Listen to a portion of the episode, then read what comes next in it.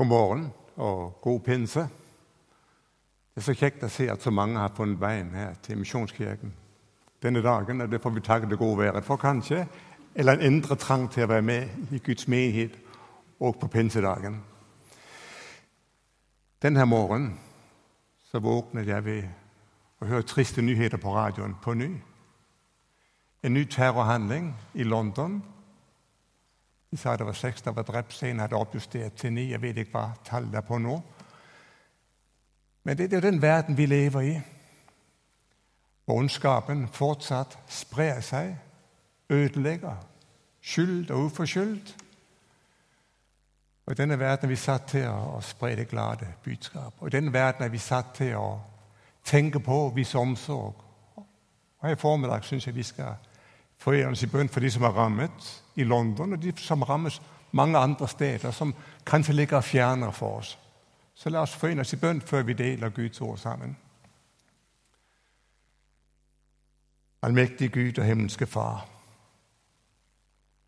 Takk at du er overalt, til enhver tid og hos alle ved din ånd. Og her i denne verden hvor vi ser hvordan ondskap det den sprer seg og ødelegger på ny og på ny, så ber vi om at du ved din kraft ved din nåde ved din menighet må være til stede med omsorg, med trøst, med lindring, med hjelp. Med det alt vi ikke skjønner og begriper. Og Vi vil i formiddag be for de som er berørt i London på en spesiell måte. Men er de som berøres andre steder i verden denne formiddag av ondskapen. Kom du til dem. Kom du til dem med din nåde, med din kjærlighet. Med nytt mot på tross av alt. Herre, vi ber deg i ditt navn. Amen.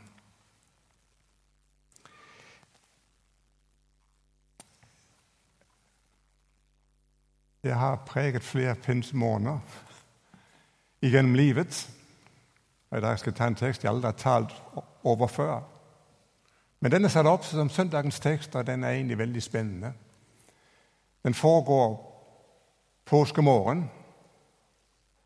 Eller påskeaften er det egentlig, men det er vel påskedagen. Disiplene sitter bak låste dører, og der står det i Johannes evangeliet, kapittel 20, vers 19-23. Det var om kvelden samme dag, den første dag i uken, av frykt for jødene hadde disiplene stengt dørene der de var samlet. Da kom Jesus. Han sto midt iblant dem og sa, 'Fred være med dem, med dere.' Og da han har sagt det, viste han dem sine hender og sin side. Disiplene ble glade da de så Herren. Igjen sa Jesus til dem, 'Fred være med dere.' Som Far har sendt meg, sender jeg dere. Så åndet han på dem og sa, 'Ta imot Den hellige ånd'. Dersom dere tilgir noen syndene deres, da er de tilgitt. Dersom dere fastholder syndene for noen, er de fastholdt. Og så en enkel setning fra Romerbrevet, kapittel 8, vers 3. Nei, vers 2 er det. Beklager. For Åndens lov, som gir liv, har i Kristus Jesus gjort deg fri fra syndens og dødens lov. I morgen så er det 5. juni, nasjonaldagen i Danmark. Grunnlovsdag. Og da er vi fri, fordi det er en pinsedag. Ellers så nøjes man med en halv dag. Det er noen enkle politiske markeringer rundt om. Noen enkle taler holdes. Men det kan langt fra sammenlignes med måten 17. mai ble feiret på. Langt fra. Men det er noe slik det er. Begge datoer markerer at man på et bestemt tidspunkt i historien skapte en lov som er fundamentet under en stat, et samfunn som er demokratisk. Grunnlovsdag, nasjonaldagen. I dag skal vi feire det som hendte omkring år 30. i Jerusalem, i en annen forsamling. Ikke en grunnlovsgivende forsamling, men en forsamling som var samlet i bønn fordi Jesus hadde bedt dem om å be og vente på at han skulle innfri sine løfter. Og det skjer det nå denne morgenen, denne formiddag, som er veldig avgjørende for Guds rike. Den hellige ånd kommer til flokken av mennesker, tar bolig i dem og forandrer deres liv. Og Her er det også tale om en lov, som Paulus kaller åndens lov. Og Han sier det finnes også andre lover, syndens lov og dødens lov. Det er ikke lover som er vedtatt av store ting, folketing eller en grunnlovgivende forsamling. Det er ikke morallov som har sitt utspring i et samfunnssystem, en religion eller gjennom slektens erfaring av hva som er godt og ondt. Men det er lover som kan sammenlignes med naturlover. Prinsipper som styrer materien. Grunnleggende prinsipper som tyngdeloven. Hvis jeg hopper ut her, så lander jeg der nede sannsynligvis. Fordi det er en kraft som driver, som trekker meg ned. Og Det finnes mange andre naturlover. Jeg skal ikke bruke formiddagen til å beskrive dem. Men vi vet de gjelder overalt på jorden. De gjelder til enhver tid, og de gjelder med nødvendighet. Grunnleggende prinsipper som styrer oss, som vi er nødt for å innrette oss etter. På samme måte med åndens lov, syndens lov og dødens lov. Det er krefter i meg som jeg ikke kan overvinne selv. Jeg kan prøve igjen og igjen. Jeg kommer til kort. Fordi det finnes en makt og en kraft som binder, som styrer. Og Konsekvensen er den at en dag så må jeg dø som menneske. Dødens lov.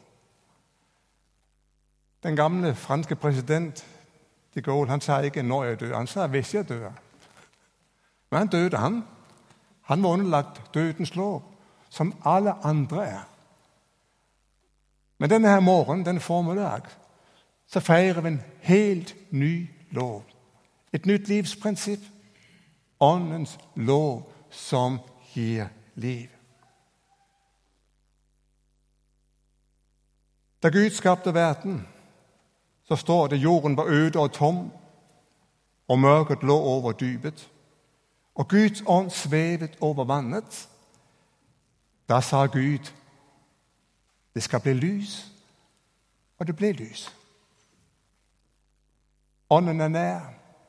Gud taler sitt levende ord, og verden blir til. Senere så får man mennesket av støv fra jorden, og så ligger kroppen der, fullt ferdig. Så blåser han, så puster han sin livspust, sin ånd inn i det, og mennesket blir en levende skapning. Livets ånds lov, eller ånden som gir liv. Ånden er livsprinsippet. Ånden fører liv med seg. Det har den gjort siden skapelsens morgen. En dag så blir profeten Esegel født ut i en dal. Og Der ser han der ligger masse av knokler, tørre bein, som det står i de gamle oversettelser. Skjelettrester av mennesker.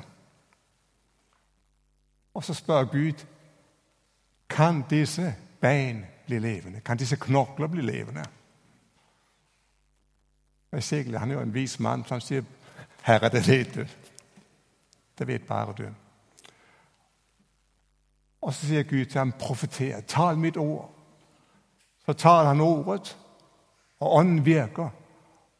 Og alle disse knokler de raster, det blir til skjeletter, det blir, kommer kjøtt på. Det blir en mektig her. Guds ånd skaper på ny liv i dette synet. Og Guds ånd er livets ånd.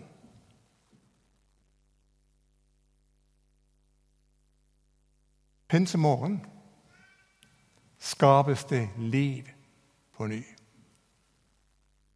Påskemorgen er Jesu oppstandelsesmorgen. Vi kan si at pinsemorgen er vår oppstandelsesmorgen til et nytt liv.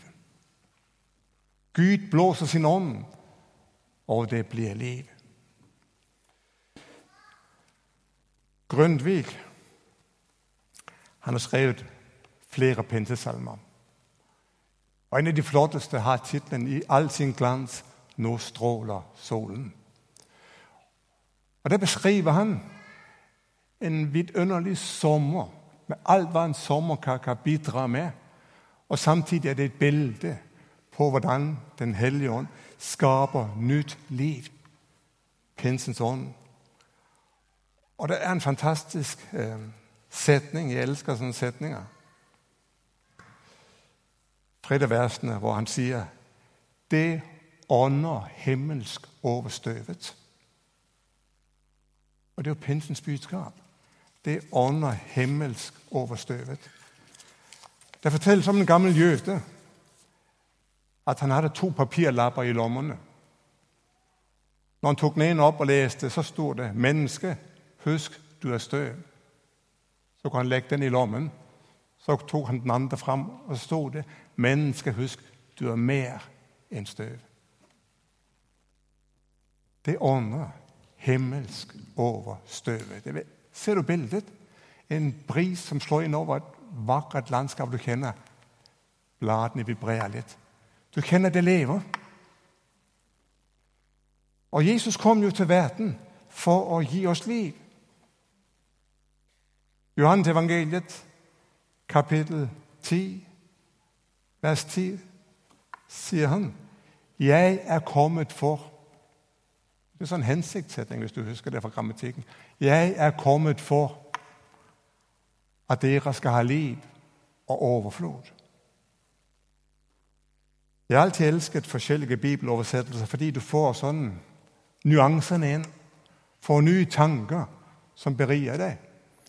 Jeg husker En av de første bibeloversettelser jeg fikk tak ut over den jeg hadde fra før. Det var en som het 'Good News for Modern Man'. Engelsk til og med, ikke amerikansk. Det var jo flott. Og Da var det oversatt med 'liv i all dets fylde'. Jeg ble så begeistret. Og Så var det en menighetssamling hvor jeg tenkte nå skal jeg vitne om det her. Og jeg, jeg sa i den her nye oversettelsen så står det 'liv i all dets fylde'. Det er jo ikke den vanlige engelske, for den heter jo King Edward. Det er ikke sikkert dere vet det. Så etterpå så kommer presten bort og klapper meg litt på skulderen. Det er ikke King Edward, det er King James. Men altså, Man kan noen ganger liksom tro man vet så mye mer enn alle andre. Men liv i all dets fylde. Liv og overflod.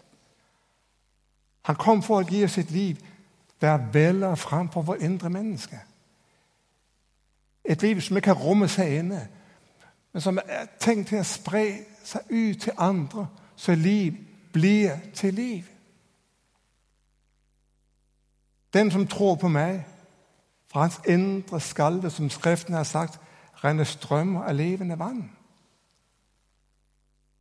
Det er det livet pensen gir oss. Det er det liv Den hellige ånd gir oss igjen og igjen. Og evangeliet er det levende budskap som gir liv.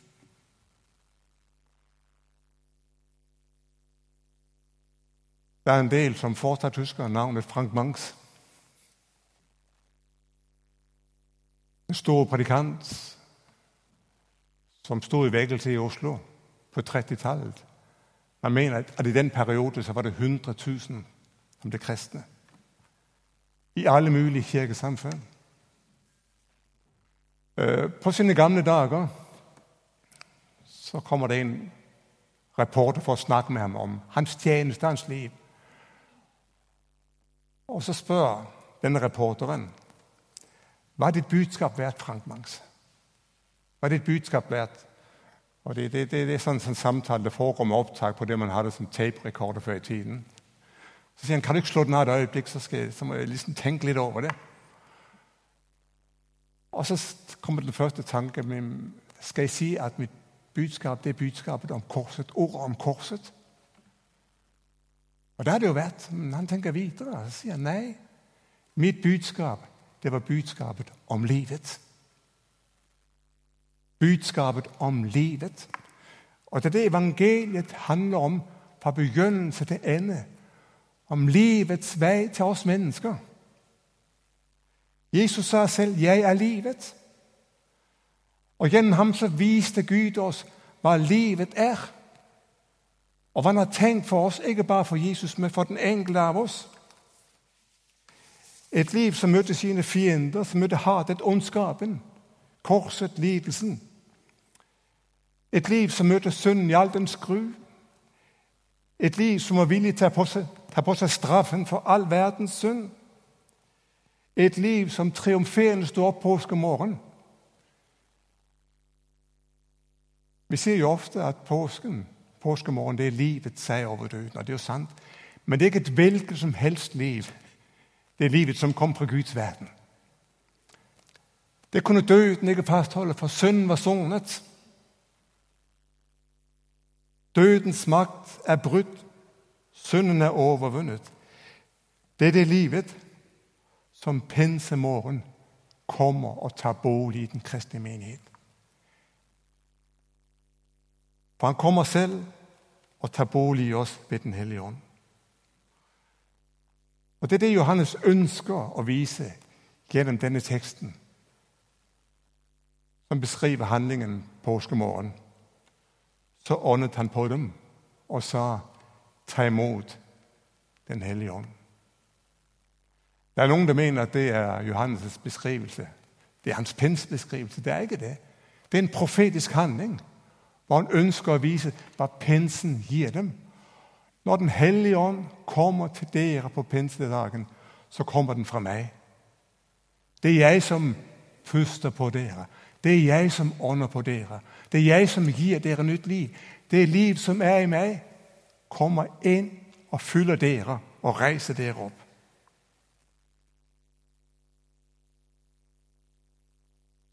Pinseopplevelsen er knyttet til personen Jesus Kristus. Det han har gjort, og det han er. Ta imot Den hellige ånd.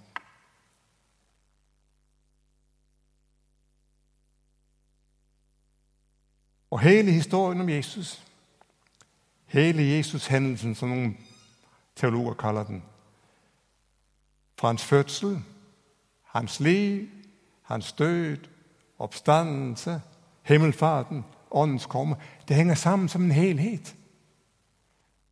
Det er ikke et juleevangelium, det er ikke et påskeevangelium, det er ikke et pinseevangelium. Det er et fullt og helt evangelium som gir oss liv. Men uten pinse vil Jesus bare være historie og fortid. Men pinsen gjør ham levende og gir ham til oss her og nå, også denne dagen. Åndens lov som gir liv. Han frir oss fra syndens og dødens lov gjennom det han gjorde på korset. Han har sognet synden, han har overvunnet døden. Jeg står ikke lenger i gjeld. Prisen er betalt. Prisen er betalt for all min synd. Jeg trenger ikke lenger leve et liv i slaveri. Båndene er brutt. Og det er kraft til å kjempe det er kraft til å overvinne syndens makt i det Jesus har gjort. Pinsen er nytt liv med nye muligheter. Og Det jeg har lyst til å si, det er at vårt liv er ikke ferdig programmert. At det må være slik fordi jeg er menneske, fordi jeg er synder. Det er mulig til å kjempe. Det er muligheter til å leve et nytt liv. Faller vi, ber vi om tilgivelse og hans blod renser fra all synd. Men det er mulig til å reise seg og leve et nytt liv i Åndens kraft. Et liv med kjærlighet, et liv i glede, et liv med fred, et liv med overbærenhet, et liv med vennlighet, et liv med godhet, et liv med trofasthet, et liv med tålsomhet, et liv med selvbeherskelse. Hvis ikke det var mulig, Hvorfor skulle Bibelen da beskrive det? Fri fra syndens og dødens lov. Pinse er nye muligheter.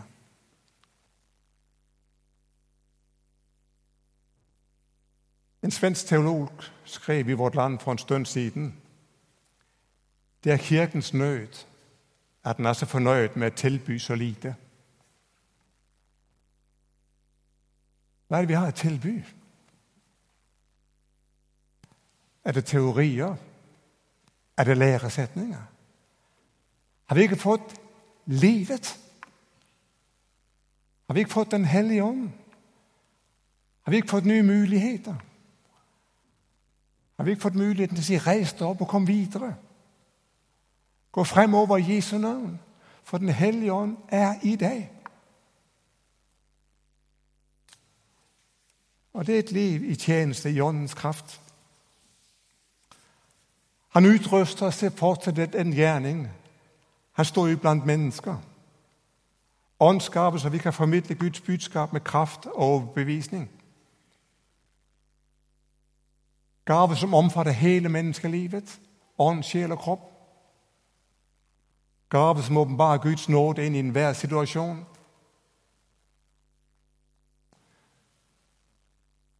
Pinsen sier også at det er et fellesliv. Ånden kom til et fellesskap pinsemorgen. Den kom til kvinner og menn som var samlet. På samme måte som det samme blodet strømmer gjennom hele kroppen, strømmer den samme ånd igjennom hele Guds menighet.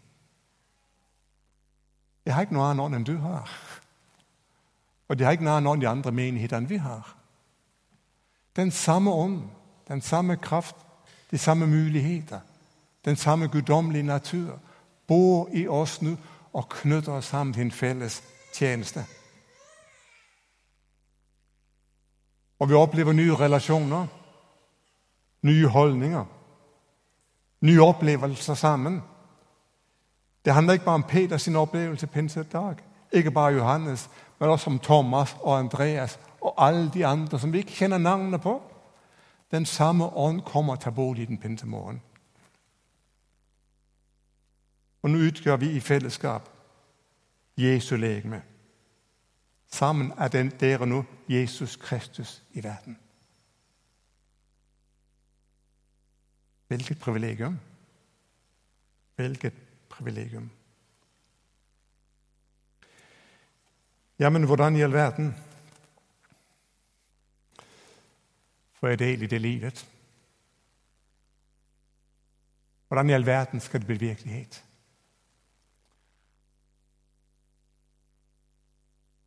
Jeg sier det. Si det. Tror du det er mulig? Eller ligger det bare sånn som en liste på 2 meter 25 du aldri kommer over? Det er bare når vi skal streike oss etter et helt liv og tenke ja, ja, det ble ikke slik likevel. Vi hadde i hvert fall målene.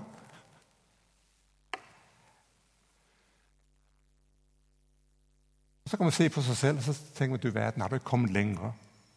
Har du kommet lenger? Du kjemper fortsatt med de samme tingene. Er det ikke bare å erkjenne at pinsen det var for, for de første? For de trengte en spesiell kraft for å bryte igjennom? Eller det hører bare til i vekkelsestider?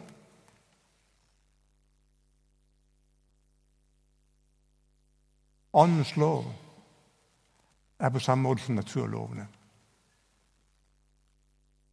De gjelder overalt. De gjelder til enhver tid.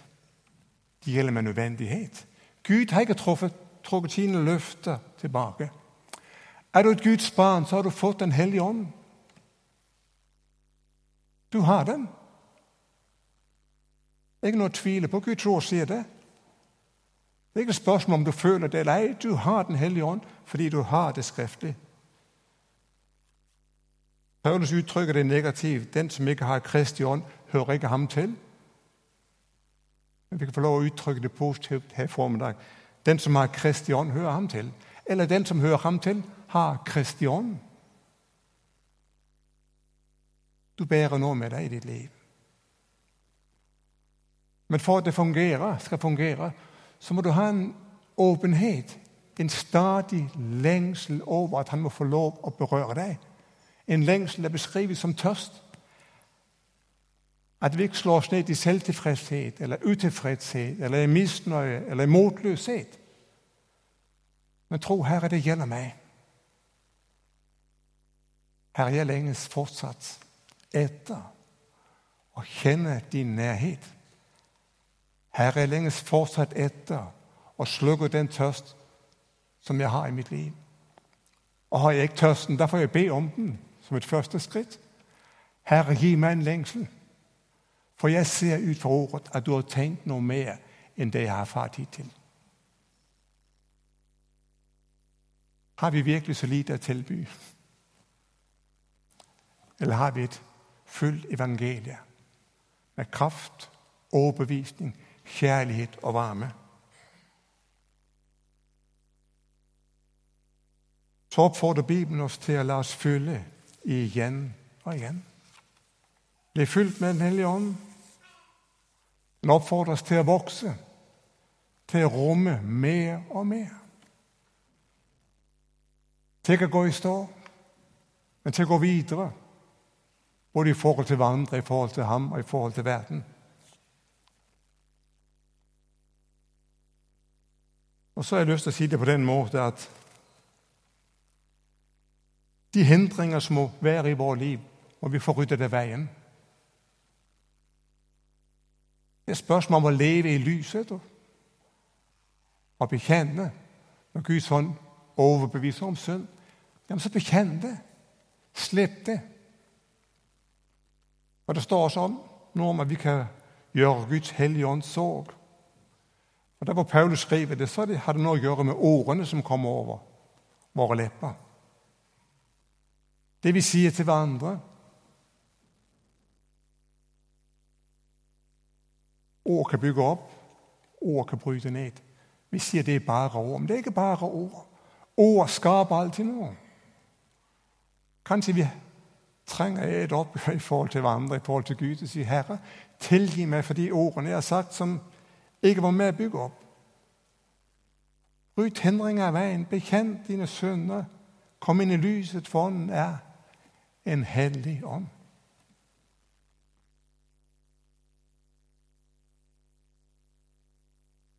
Er det noe du skal ha ryddet bort? Er det noe du skal ha bekjent? Gjør ikke Guds hellige ånd sorg. For ånden er det seil dere er merket med helt til forløsningens dag.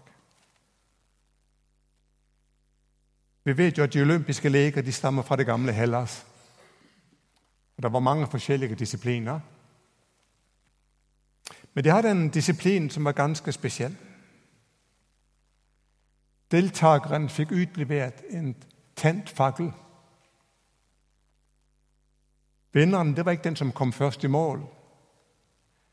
Men det var den løper som fullendte løpet med faklen tent.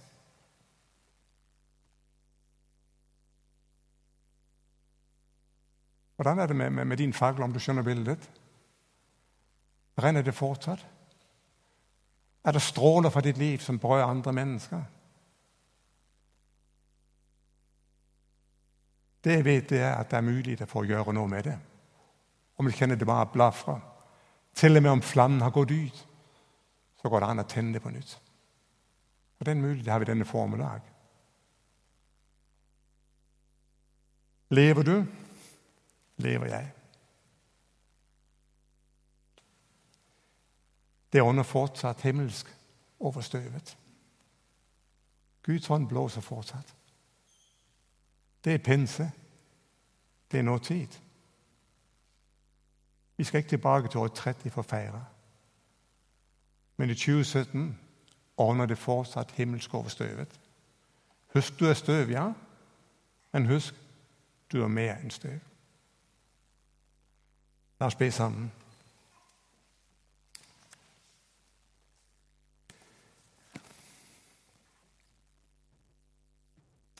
Jesus Kristus. Takk fordi du også denne formiddag vil løfte dine hender over oss og lyse din fred over os. Tak du også denne formiddag vil ånde, puste på oss med din ånd. La den få lov å berøre oss, Herre, så vi igjen blir levende. Levende på en slik måte at vi kjenner kontakt med deg, kjenner kontakt med andre. Kjenner lengselen etter å tjene deg og prise og tilbe deg, Herre. Ånd din ånd på oss. Amen.